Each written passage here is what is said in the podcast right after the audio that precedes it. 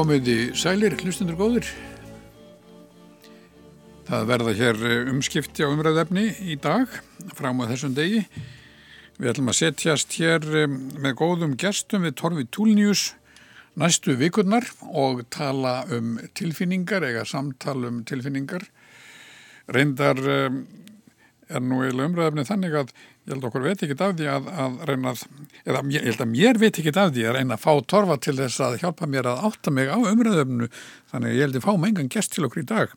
En Torfi Túlnius, hann hefur nú reyndar verið áður hér í, með mér seti hér með mér við hlöðnama í þessari í, í, í þessari, þessum þáttaröðum, svona samtalstáttum en um, hann er prófessor við Háskóli Íslands íslensku meðaldafræðum og um, deildarfórsett í Íslensku og menn, býtu við, hvað heitir hún? Íslensku og menningardeild. Íslensku og menningardeild. Hvernig ámar geta muna þessa títli á, þessi heiti á deildum? Já, þetta er stór og, og flókin deild. Þannig er verið að kenna íslensku, þannig er verið að kenna íslensku sem annar mál. Þannig er líka verið að kenna það sem við kallum menningargreinanna. Það er almenn bókmyndafræði, kvíkmyndafræði, listfræði, tákmálsfræði og uh, fleiri fræðigreinar og þannig að uh, þetta er fjölbreytt deild og þetta heiti Íslensku og menningarleild uh, því er ætlað að reyna að ná utanum það. Já, já. Og, og þar með eru tilfinningar í spilinu eða hvað? Já, tilfinningar eins og við hefum eftir að uppgöta ævars í þessum þáttum eru tilfinningar eru allt um líkjandi. Já. Þau eru bara, það er alveg sama hvar mann man ber niður í svona mannlífinu þá eru tilfinningar allstaðar er það undir já, og skipta já. mjög miklu máli og þetta er einmitt um, mjög, verið mjög forvinnilegt að tala við sálfræðinga, tala við bókmyndafræðinga, tala við uh, stjórnmálafræðinga og, og líffræðinga og fleiri já. um, um uh, tilfinningar og hvernig það er koma mannlífinu við og ekki bara mannlífinu, líka dýralífinu og í raun og veru öllum þáttum mannleira tilveru. Nú myndi einhver segja að, að á þessum tímum sem við lifum þessari vikunar Já. að þá þýðun ekkert að tala um tilfinningar og allar síst tilfinningasemi nú séu bara, nú séu, nú séu það hörð viðbráð vísindanna og e-, eins tilfinninga eða óteng tilfinningam eins og hversu styr Já, sko, já, bara það sem þú segir, vekja tilfinninga, vekur tilfinninga viðbröð hjá mér, en uh, sem þetta harka er kannski anstæða tilfinninga, það, það er, það er afneitun á tilfinningum, þannig að það má alveg segja að, að uh, tilfinningar séu þar líka fyrir hendið ef að, ef að því er að skipta, en, en áður en við kannski koma að þessu efni, þá finnst mér einmitt af því að þú ert að í að því að við lifum hér á tímum koronaveiru, mm. faraldur sem að er að hafa gífulega áhrif á alla heimsbyggðina já, já. Það, það er að segja alla þess að sjö eða eitthvað miljardar eh, einstaklinga sem að búa í þessum heimi þá finnst mér eitt sem að hefur ekki verið sagt nóg ennþá en við erum að upplifa dag á hverjum degi þegar við hlustum á sérfræðingana okkar mm. og stjórnvöld okkar bregðast við þessari fá e, e, og það er að hvað e, það sem við erum kannski að reyna að gera hér í þessum þáttum, það er að segja að ræða saman á skipulegan hátt um ákveðin viðfangsefni, leita þekkingar, veg og meta rauk fyrir e, ákveðinu, ákveðinu veruleika, veg og meta staðreindir. Þetta er lífsins, þessi döðans alvara. Mm, mm. Við horfum upp á þetta í dag og, og eh, þessir færu vísindamenn sem hafa stýrt sótvarnarlæknir, landlæknir og aðrir sem hafa verið uppfræð okkur um þessa uh, vá og hvernig rétt sé að breyðast við henni þeir byggja allar, allt sitt atferðli, allar sínar álíktanir, allar sína orðræðu á tröstri vísindarlegri þekkingu mm. og mér finnst þetta ef eitthvað gott allar að koma út úr þessu þá er, er einmitt það að við verðum að treysta vísindunum, við verðum að treysta skipulegu samtali um staðreindir til að komast áfram og skilja hlutina betur og, og gera það sem gera þarf og ekki síst þegar að svona hætta stæðir að. Mm. Og mér finnst þetta að vera mjög, mjög áhugavert að þessum tímum falsfrétta og, og, stjór, og stjórnmálamanna sem reyna einmitt að spila með tilfinningar fólks, gera fólk krætt til að stýra því betur. Að við erum að horfa á í okkar samfélagi í dag og víðast hvar held ég í Evrópu að minnst að kosti Eh, þá er verið að hlusta á vísindamennina og stjórnvöld gera það og stjórnvöld taka mark á vísindamennum og, eh, og, eh, fjölmiðlar, allavega þeir fjölmiðlar sem einhver snefil af sjálfsvíðingu hafa, flytja fréttinnar samviskum samlega. Þannig að e, þessi vá sem nú stendur yfir segir okkur að það þarf að treysta vísendamennum og vísendalegum aga og að stjórnvöld eigi að gera það og að fjölmiðlar þurfa að flytja sannar fréttir af því sem er að gerast. Nú nefnir ymitt vísindalegan aga. Segja, það skiptir máli í þessu samhengi. Eh, það, hér er ekki nóg að segja að ég hef það á tilfinningunni að það þýð ekki að gera neitt þetta sé á seint og, og alltaf, slík afstæða er í rauninni hún í dæmum í rauninni algjörlega óvísindilega nálgun. Já, svona, já, já en, en, uh, en þannig að nota orðið tilfinningu sem að uh, já, við og þetta er einmitt eitt af því sem er svo áhugavert við þetta hugtak tilfinningar sko, til, á sínir hvað það er eh, í raun og veru marg rætt uh, hugtak í okkar menningu tilfinningar annars vegar eitthvað sem að, við treystum ef við treystum á tilfinningu okkar og, og hins vegar eitthvað sem er svolítið uh, vafasamt mm. og við óttumst svolítið, við óttumst tilfinningar viðbröð, við óttumst það, það að fólk láti tilfinningarna hlaupa með sig í grönur og allt þetta en svo að móti kemur og það er mitt að fræðimenn sínt fram á síðustu árum og, og vísindamenn sem eru að rannsaka tauga við brauð og hvernig heilin er byggður upp og, og, og þess aftar að það gerist ekkit án tilfinninga mm. Við höfum sko kannski alveg upp við sem erum kvítir miðaldra kallmenn á efri árum uh, þegar við vorum alveg upp þá var okkur kentið mitt að bæla tilfinningur okkar, vantreista tilfinningum okkar okkur var sagt að tilfinningar væri kannski eitthvað að koma betur að því síðar sem að væri sem að, eitthvað sem að ætti heima hjá konum mm. og, en en, en, en tilfinningar og vísindamenn hafa sínt fram á það að tilfinningar eru mjög mikilvægar í allri ákvarðanatöku og hugsunum, hugsun. Við erum ekki eh, neitt annað en tilfinningar okkar að, að til leiti að tilvist okkar er tilfinningarleg. Við eh, erum líkamar og þessi líkami er eh, fullur af taugum, taugaendum og og taugabóðin berast bæði innan úr líkamannum og, og úr umhverfinu til, til miðtaugakerfisins og heilans og í raun og veru eru þetta skilabóðin um að við erum til. Við erum til af því við finnum til og, eh, og þannig að hugmyndin um að við séum einhvers konar andi sem hugsar svolítið eins og tölva svona með mm. skipulum, öguðum, hætti án tilfinninga, hún er svolítið úreld og og það eru ymsir fræðimenn sem eru búin að færa mjög, mjög sterk rauk fyrir því núna undanferðnum áratugum. En var það, var það á einhverjum einhverju tímaskeiði í sögum í euróskri menningu uh, talið ákjósanlegt að vera eins laus við tilfinningar í þess meins mikið út eins og hægt væri? Ég hugsa að þetta hafi verið sko, þráður svona í, sem maður hægt að reykja í gegnum uh, hérna, menningarsögun ef við bara horfum á okkar menningarsögu þar að segja svona þessar fólksögunar þá er þetta ekki það fínt og hetjulegt en jáfnveil svolítið ógnvænlegt að finna ekki fyrir neinu. Uh, það er einn fræg fornaldarsaga sem heitir Völsungasaga sem að gegnir stóru hlutverki í raun og veru í okkar menningararfi. Og það er sagt frá uh, frá völsungum sem eiga að harma hefna á anstæðingum sínum og, og, um, og þeir einmitt eiga að vera tilfinningarlausir og það kemur einmitt fram þarna einn persóna sem heitir Sinnfjöldli og hann, er, er, hann finnur ekki verið neinu og, er, og er alveg sama þótt að hann drefi bræðu sína og svo framvegist til að hefna eh, til að framfylgja hefndar skildunni mm. og þannig að þetta er eitt dæmi um svona tilfinningalöysar verur sem eru hafnar þá upp og gerðar að hetjum í menningunni og ég held að það eigi við bæði í hernaði mm. og e, menn þurfa að bæla tilfinningar sínar í, í hernaði en ég held að ég líka við e, um já, hugsun það er sett, hugsuðir hafa lengi vantreist tilfinningum og e, það þarf að hugsa um þær og það þarf að skilja þær en það er líka sett ekki hægt að gera ráð fyrir mannlegri tilvist án tilfinninga. Það eru tilfinningana sem ger okkur að mönnum.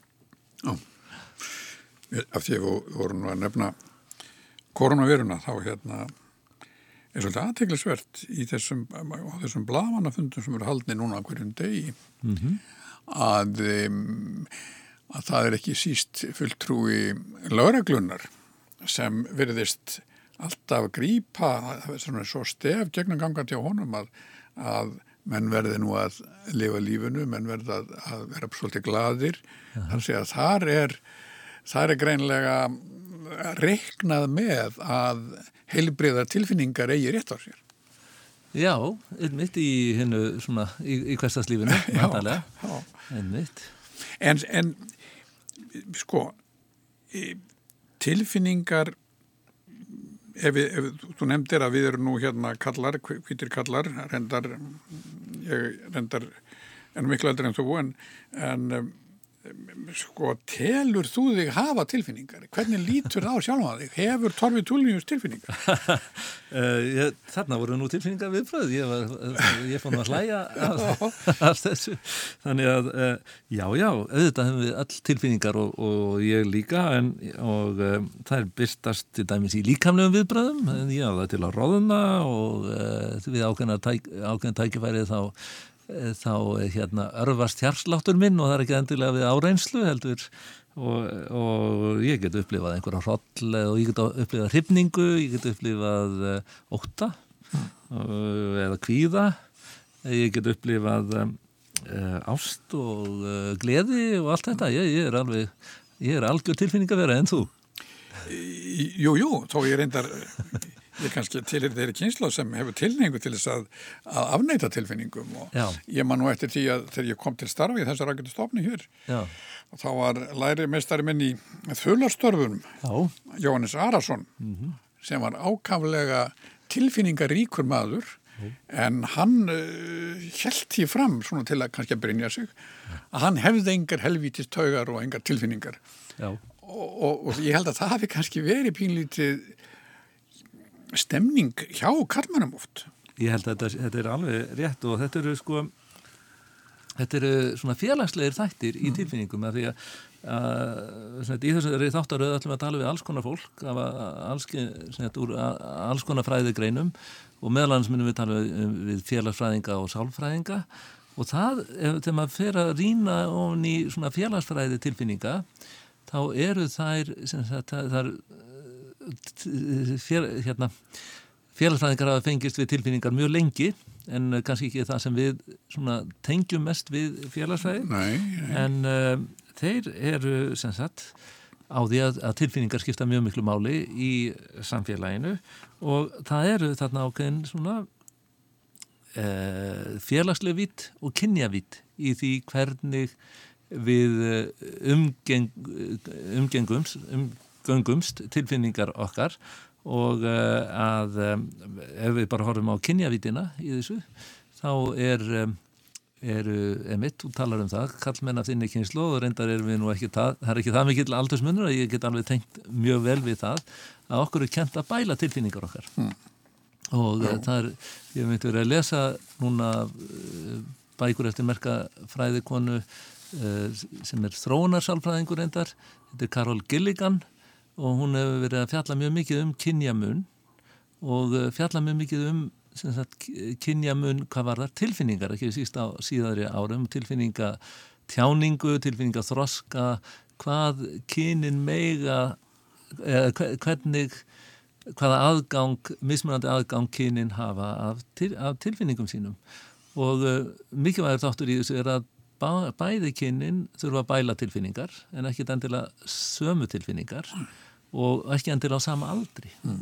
Mm. og hún tekur dæmi af rannsóknum sem hún og aðrir fræðimenn sem henni tengdri henni tengdum hafa verið að, að, gera á, á börnum og hvernig þau, svona ung börn, fjara, fimm, sex, upp í til unglingsára ræða um tilfinningar sínar og þau, þessi fræðimenn sjá mjög mikinn mun, það er eitthvað sem gerist hjá börnum og þetta er náttúrulega bandaríks börn sem hefur verið að rannsaka þannig í kringum aldamótin síðustu svo uh, því sé haldið til haga uh, að uh, drengir þá í kringum 5-7 ára. Mm. það verður ákveðin breyting á þeim. Þeir þurfa, þá eru þeir að samsama sig en frekar því að vera kallmenn Já. Og þá því fylgir bæling á ákveðnu tilfinningum, svona þessum fínlegu, fallegu tilfinningum, svona að vináta, væntumtyggja uh, þess áttar. Uh, þeir, þeir, þeir bæla þessar tilfinningar og þeir fara að skamma sín fyrir þessar tilfinningar og það leiðir til ímiskonar vannlíðunar hjá allavega sumum drengjum og, uh, og hún tengir þetta við það að það kemur einmitt fram að einmitt drengir á þessum aldri í þessum hópum sem hún hefur verið að rannsaka, þetta á ekki endilega við um íslenska drengi að, að þeir, það er herri tíðni af ímiskonar svona uh, félagslegri, eða ekki félagslegri, bara sálrænum svona þjáningu, sálrætni þjáningu eða kvillum hjá drengjum á þessum aldri. Þetta gerist setna hjá stúlkum, þannig er það meira unglingsárunum sem að þær þurfa að fara að bæla tilfinningar og sérstaklega bæla í raun og veru e, þar kemur svona þetta, er félagslegt taumhald sem að veldur þessu hjá strákum í kringum 57 ára. En hjá stúlkum á unglingsárum er það líka félagslegt taumhald. Og það er það að láta ekki á sig bera Uh, fella sig að einhverjum svona uh, hugmyndum um hvernig konan eigi að vera og, og þess aftar bæla kannski frumkvæði bæla það að geta talað hátt og skýrtum og, og orðað vilja sinn. Og Karlo Gilligan fyrir ennþá lengur og segir að þetta, við, þetta nefnilega tengist einhverju, þetta er ný bók hjá henni. Hún segir að þetta sé hún er að, setja fram þá kenningu í nýri bók að þetta sé jafnvel rótin að því hvers vegna karlveldið sem hefur verið svona vegið að kannski mm. núna alveg frá því að hvernréttindi réttnita bara átt að hófst og hefur verið vegið að mjög lengi. Akkur uh, karlveldið er svona fast í sessi mm. það er vegna þess að við hefum verið í raun og veru bæl tilfinningarlega mm. og uh, til að útskýra á mismöðandi aldri eftir, eftir kynjum og þess áttar og, eh, og vísar þar í kenningar Bresks sálfræðings og sálkönnuðar sem var að vinna með börn sem hafðu orðið viðskila við fóreldra sína á, í þegar að þegar að loftárarsir þjóðverja voru á Englandi sem mest. Mm. Þessi breyti hétt John Balby og hann átti að sjá því að þessi börn urðu fyrir mjög miklu tengsla rofi þannig að vegna þess að þið voru aðskilin frá foreldurum sínum og, því, það, ekki, og það er mjög sagt, tilfinningatengsl eru mjög mikilvæg í sálaþróskanum og við hefum eftir að sjá það þegar við ræðum við sálfræðinga hér að, að það er hægt að sjá þetta í heila, heilanum, hvernig það þróskast mm. að hvað tilfinningatengsl eru mikil, það er að að vera í tilfinningasambandi við aðra mannesku og það væntalega móður og föður og mm. sérstaklega eh, að þessi Bálbí eða sett já, Bálbí skoðaði mikilvægi tilfinningatengsla mm, og segir mm. að þetta þessi tilfinninga, þessi tengslarof sem verða, fari ekki alltaf ákveði skeið nokkur skeið og fyrst er sett að þegar að tilfinninga tengslarovin verða hjá litlu barni og móður þess til dæmis, þá er reynd að laga sambandið mm. og yfirleitt er það gert en stundum er ekki hægt að laga það og þá fyrir barnið að mótmæla það er sett næsta skeiðið en næsta stíið eru sett, það eru róf svo tilraun til að laga tengslinn, svo kjúma mótmæli og svo ef að mótmælinn rýf ekki þá fer uh, barnið í svona í raun og veru að amneita tilfinningum sínum ah. og uh, Gilligan þessi til að tala um þennan kynjamun og til að útskýra hvers vegna feðraveldið er svona fast í sessi, hún segir að við erum öll í raun og veru svolítið sköttuð mm. af þessum því að þurfa að bæla þörfina fyrir tengslum, tilfinningarlegum tengslum og þessi uh, kallmenn fá svo uppbót fyrir sköttuna, þeir, þeim, þeim er neitað um að tjá, tjá ákveðnar tilfinningar, hafa ákveðnar tilfinningar, þeir þurfa að bæla uh, tilfinningar sínar, konur þurfa að bæla kannski annars konar tilfinningar sem eru að eh, setta, tala, tala hátt, láta að sér kveða í samfélaginu svona að þurfa uh, vera til hlýðar og feðraveldið festist í sessi vegna þess að við erum öll búin að gefast upp á því. Ah. Við erum búin að gefast upp á tilfinningatengslum, á tilfinningalegu sambandi bæði við okkur sjálf og við, við aðra manneskjur. Sko nú, nú getur maður ímynda sér að, að rannsóknir á tilfinningum og orðræðan um tilfinningar sé einmitt kannski fyrst og fremst á innan sko sálurfræðinar að sálurfræðin sé tilfinningafræði Já. En við ætlum nú að leita við þar. Já, já, og þetta er, set, þetta er þróna, set, Gilligan sem við vorum að vera að tala um er þrónarsálafræðingur, en hún er náttúrulega hugsað mjög félagslega og félagsfræðilega, þetta jú, er félagsfræðilegt fyrirbæri sem hún er að rannsaka og, og það er volið erfitt að aðgreina og ég held að einmitt rannsóna tilfinningum með eftir að sína það að það er mjög erfitt að aðgreina mannin frá samfélaginu. Og einmitt út af þessum tengslum mm, mm. sem við þurfum að vera í og, og, og tilfinningatengslum.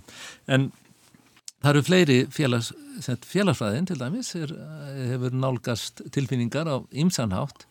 Eh, talandi um, eh, um róf, þá eh, var nú hérna einna frum kvöðlum félagsfræðinar eða frum höfundum eh, félagsfræðinar sem var starfaði upp hafi síðustu aldar, Emil Durkheim. Já. Hann skrifaði um, í fræri rítjærð um sjálfsmorð. Já þá skrifaði hann um anomíu sem kallaði sem hefur verið þýtt sem siðróf á, um, á íslensku og þýðir sem þetta í raun og verið þetta þessi að smám saman leysast upp hinn félagslegu tengsl sem að eru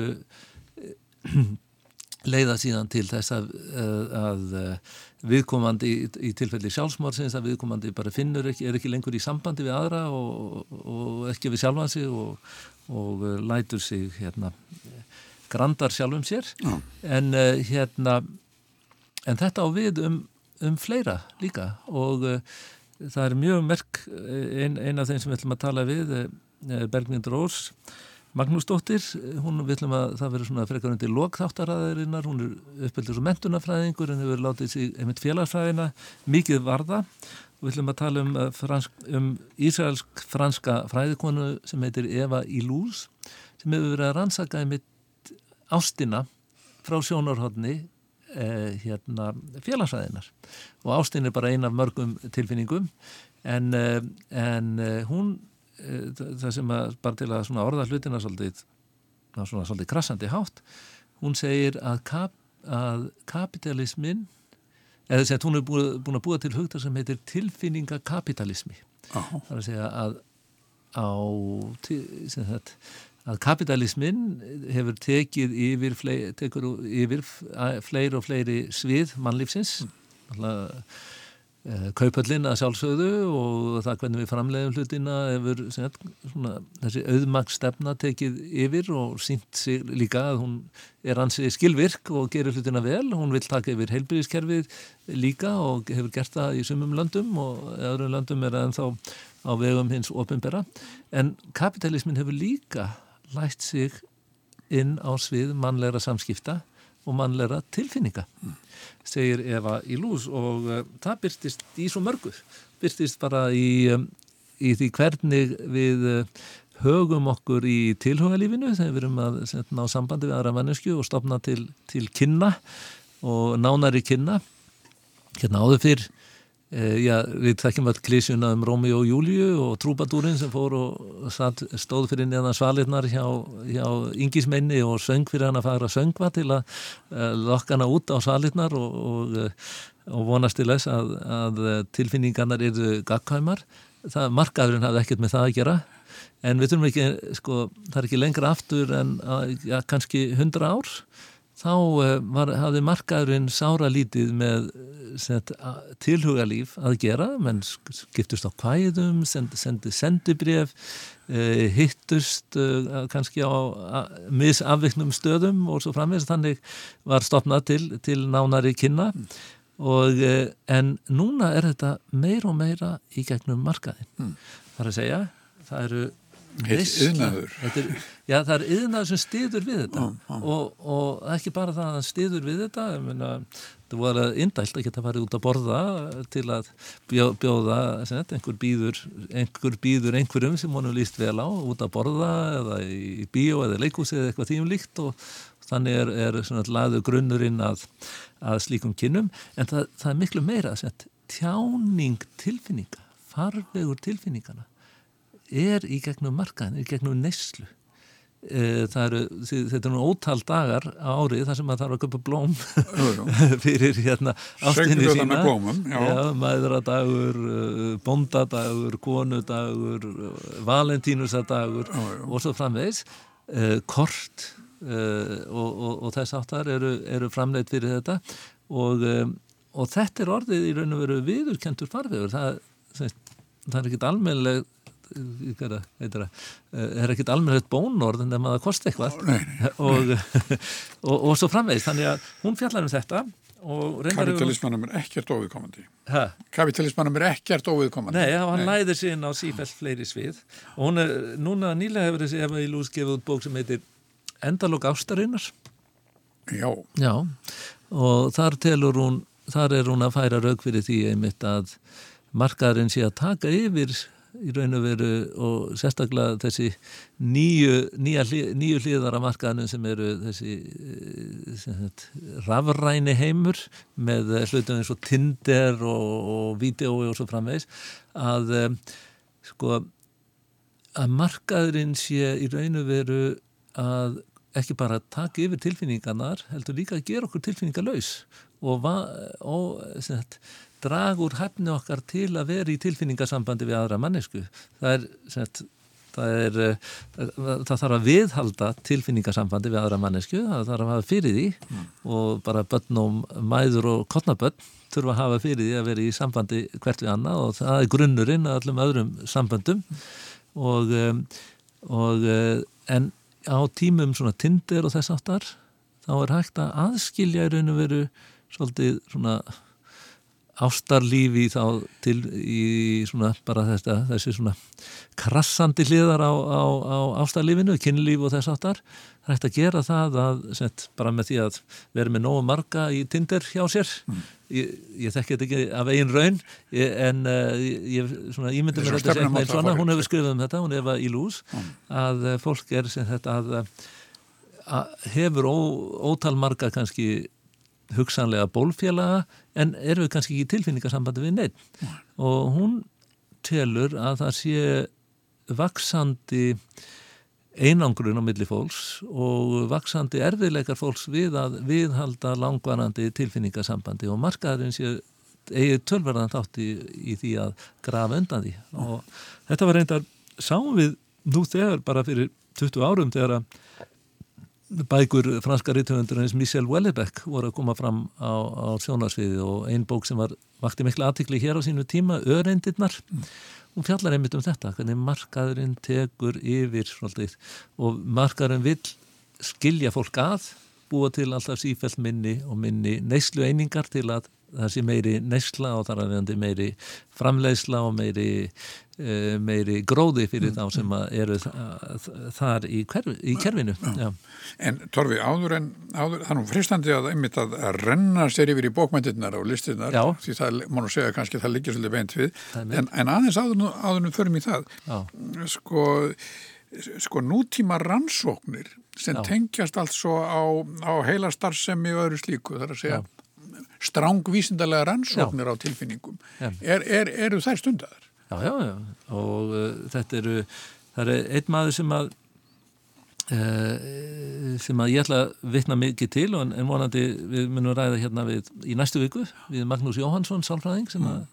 er, er uh, sagt, sérfræðingur um það hvernig heilen starfar já, og þess aftar og ætlar að fræða okkur um um vísindarlega rannsóknir á tilfinningum og hvernig tilfinningar verða til í miðtöðakerfi okkar og í sam, í samspili miðtöðakerfis við, við líkamann. En uh, sá sem að ég mest lesið heitir Antonio Damasio.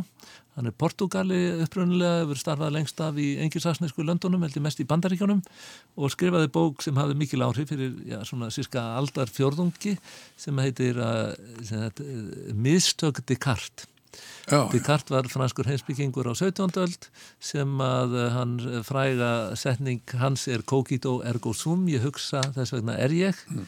og um, Damasio segir nei, ég finn til þess vegna er ég og er einmitt að færa og Damasio er ekki heimsbyggingur og ekki bókmyndafræðingur heldur er hann uh, taugalífeðlisfræðingur sem er að fást við það hvernig heilin starfar, einn af þeim sem að það var orðið mjög miklar framfarir í, í skilningi okkar á, á eðli bara tauga og, og um, heila starfseminnar undan fann áratvíi og hann er einn af þeim sem hafa lagt ímislegt til þess og meðal annars segir hann í þessari bóksinni að við erum vegna þess að við finnum til og færi rauk fyrir því að það að eh, hluti bara eins og að taka ákvarðin mm.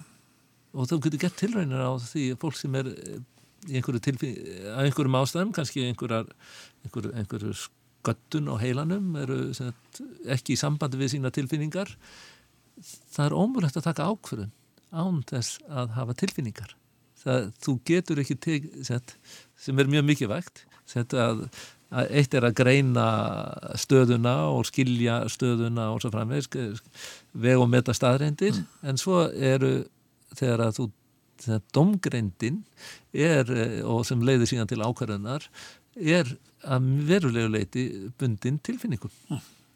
þannig að, að þetta verður mjög fróðlegt að heyra í, í, í, í sálfræðingum um þetta. Já, þetta og, og mér kemur nú nefnitt bók hans Jan McEwan um, um, um robótinu eða tilfinninga þar sem er verið að glýma við þetta. Með, með, með hvernig nýrunni tölva sem við myndum kalla eh, eða robot -huh. verður að hafa tilfinningar til, til þess að geta tekið á, ákvarðanir. Akkurat. Og Já, en, en hérna, þetta, þetta verður nú mjög, mjög spennandi að mm -hmm. heyra þessum rannsóknum og því sem er að gerast á, á þessu sviði. En ég sagði að það lægi nú beint þegar renna sér í bókmyndina. Ég held að sé nú margir sem tegar talið best að tilfinningum að þá, þá sjá mann fyrir sér ekki bara ástin heldur ekki síður ástarsögur. Jú, jú. Sko, það er mjög áhugavert og eh, bara, sko allt er þetta í ákveðinu samiki hvert við annað, félagsfræði tilfinninga mm, mm. saga tilfinninga, tilfinningar eða þessi sögu líka, Jó. það er að segja það hvernig menn umgangast tilfinningar sínar og tólka tilfinningar sínar um, á sér ákveðina sögu og við ætlum að tala um það við Sigur Gilva Magnússon hérna sakfræðing bara eftir, eftir tvær vikur en en uh, bókmyndinar, það er mjög gaman að spekla í bókmyndunum og einmitt að setja í þetta bæði sögulega og félagslega samengi það að hafa rétt á tilfinningum. Þetta er ekkert sjálfgefið. Að eh, samfélag set, reynir að hafa heimil og stjórna á fólki og sem betur fer. Við getum ekki all, all gert allt sem okkur dettur í hug. En uh, og eitt af því er einmitt ástinn og hverjir meg að giftast hverjum. Mm. og þetta, þetta er eitthvað sem við, e, þetta er þema sem við getum rækið í gegnum bókmyndasöguna alveg aftur til Fort Gríkja þar eru komediurnar, fyrstu komediurnar fjallaði mitt um ást í meinum eða um elskuða sem ekki mega eigast og þurfa að, að hérna, komast yfir samfélagslegar hömlur til þess og, og þetta getum við séð sagt, mjög bara allt í gegnum bókmyndasöguna. Rómverjar eru með hérna, e, leikrit um þetta á miðöldum eru Tristan og Ísolt sem 12. aldar fransku rómansa eða rómansa á, á fortfransku um, fjallar um einmitt ást í meinum uh, elskendur sem megi ekki eigast og uh, Gunnlaug sagði Ormstungu og Helgaðin Fagra í, mm. úr Íslandingasöðun og, og Piltur og Stúlka og þetta er í raun og veru hangir saman við þróun sem á sér stað í vestarætni menningu og yfir mjög langan tíma sem er þetta að einstaklingur það er einstaklingshugmyndir sem eru ríkjandi hjá okkur í dag um að þekk rétt hvers og eins yfir sínum tilfinningum að hann ráði því hver uh, hann má elska mm. og uh, þetta er orðið líka við við bara okkar æfiskeið þá er þetta orðið ekki bara að hvaða kona getur elska hvaða kallmann sem að hún vill og öfugt heldur þetta líka farið að vera þvert eða sett innan kynja líka, líka með, með, hérna, með eh, auknum skilningi á, á réttindum og, og eh, samkynneira og uh, þannig að, að þessi, þetta, það er hægt að rekja þessa sögu í gegnum bókmyndinar mm.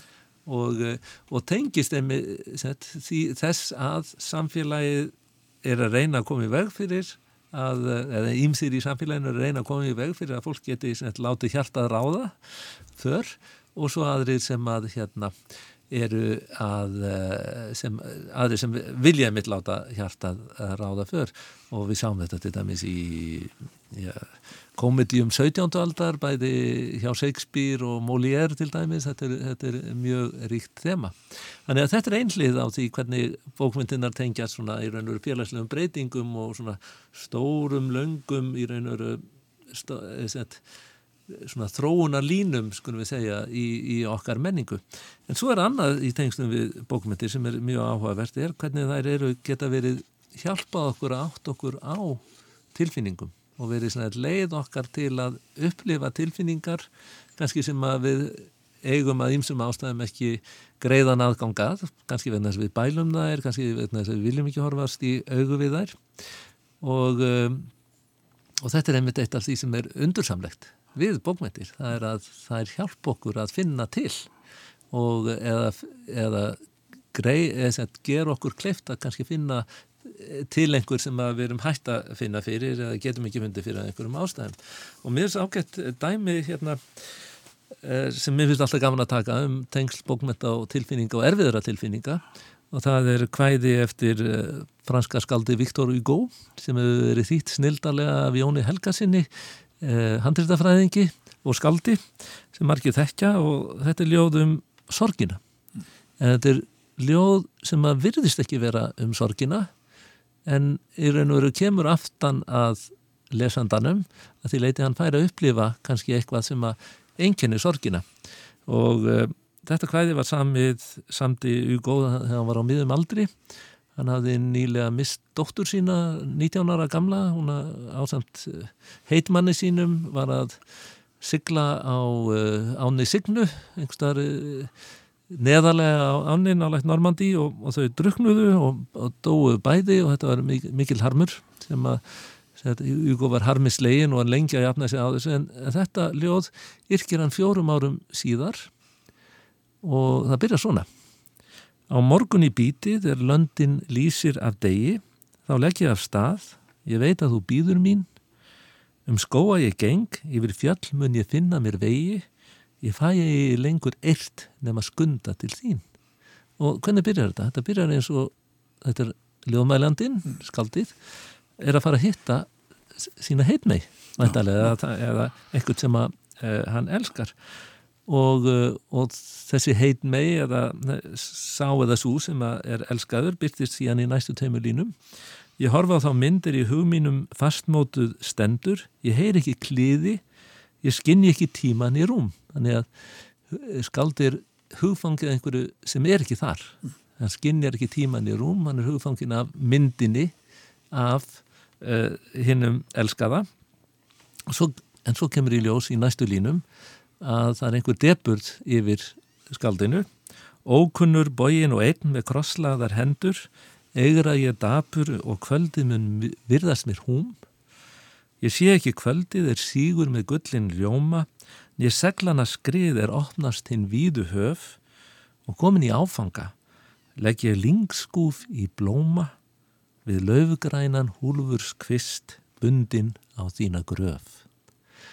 Og hvað er, hvað er það sem að skaldi er að tólka þarna? Hvað tilfinning er þetta sem að þetta vekur? Þetta er tilfinningin einmitt um missi. Mm.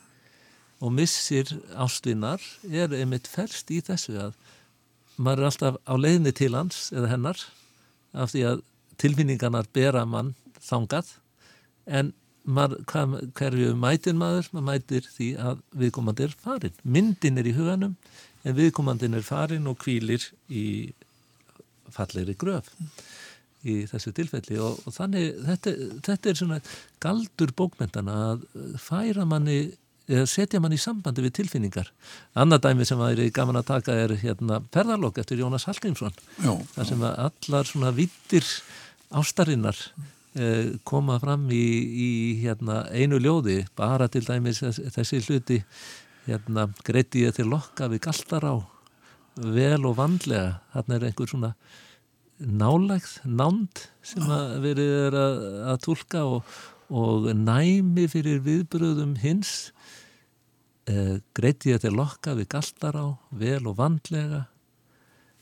Eh, við veitum hvað kemur svo næst? Eh, blika sjónst, nei brosa blómvaris, líka sjónstjörnur, ráðnar heitur hlýr.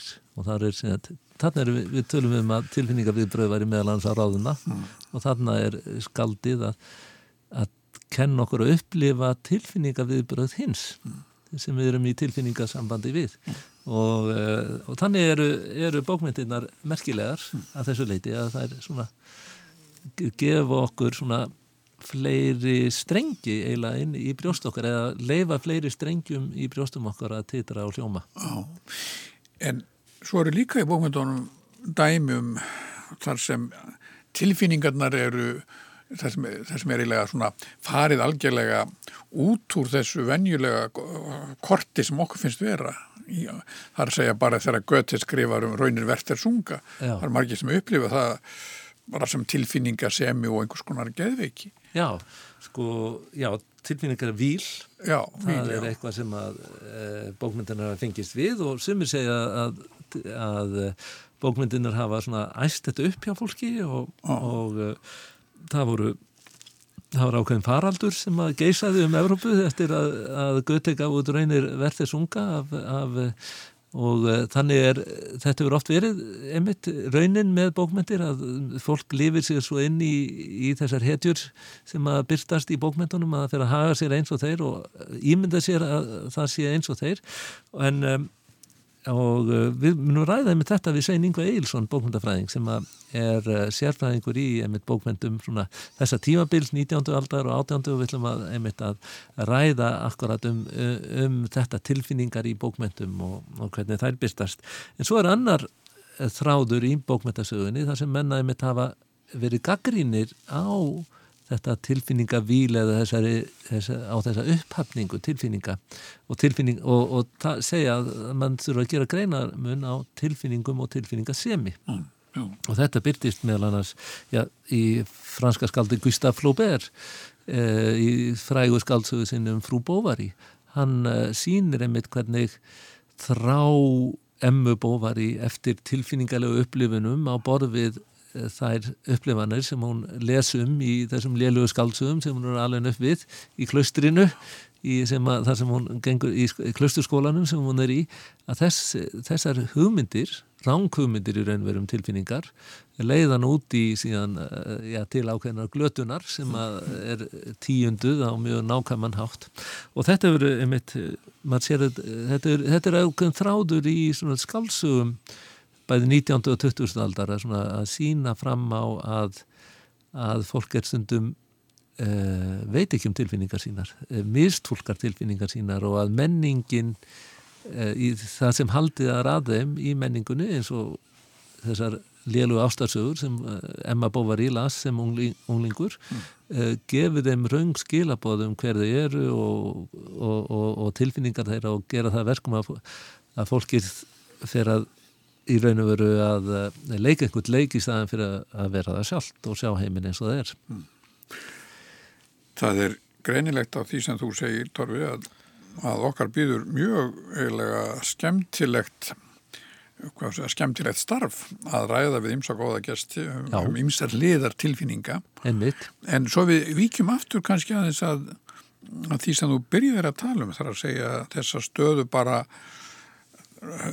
núsins þess sem við erum að upplifa Já. koronaveiru og svo framvegis.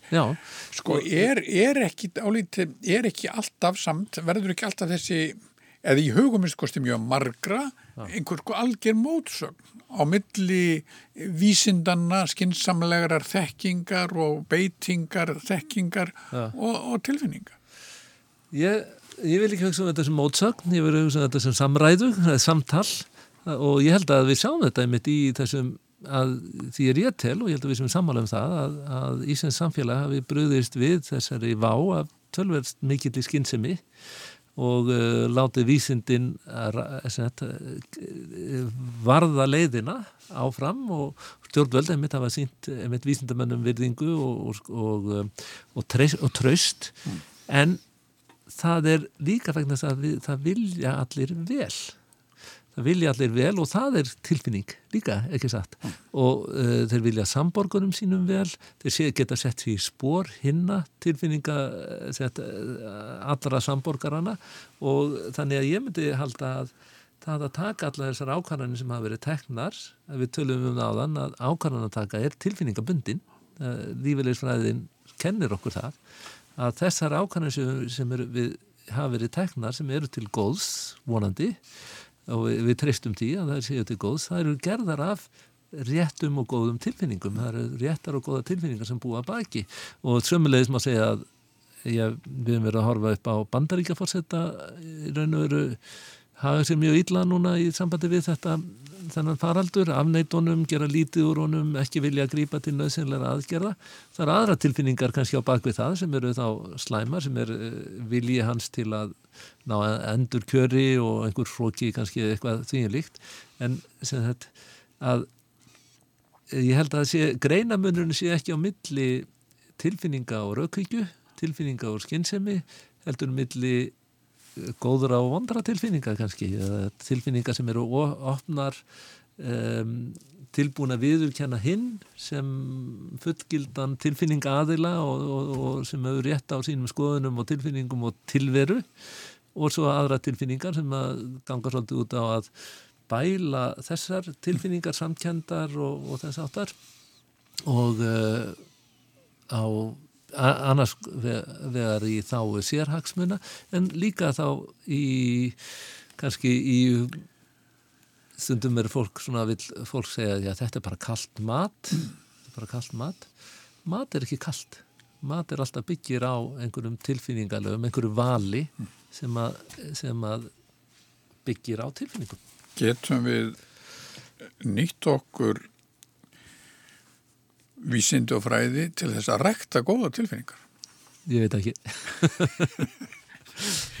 Nei, en, en það er kannski einhver leiti, einhverju leiti er er nú kannski hugsun sem liggur hér aðeins að, að baki þegar við erum að tala um, þegar við erum allum að taka nokkara vikur í það að ræðum tilfinningar. Já, sko ég held allavega að samtal og það að vera tilbúin að taka við rökum hins og skilja hvað hinn er að segja byggir á tilfinningatengslum með einhverjum hætti sko. Það er að segja að við sjáum hinn sem heila mannesku ekki bara óvinn eða anstæðing eða fulltrúa einhverja skoðuna sem það eru ímugust á eða hagsmunahópaði eða svona. Þetta er heil manneska með sínum hugmyndum og tilfinningum og þess aðtar og, og þarfum og e, samtalið gerir það verkum að ég get breyst og manneskjan á móti mér geta breyst og við vonandi getum við þá breytt til hins betra. Þannig að já, ég held að, að e, það er alltaf allt í lagi að vera björnsýn Ég held að það sé, sé orðasönnu og og ljómandi orð, Torfi Túlnins þekkaði fyrir þetta spjall hérna í dag og ég bara hlaka til að, að, að fara með þér í gegnum samtöl hér við ímsa góða fræðinu. Þakkaði fyrir leiðis, þetta verður skemmtilegt.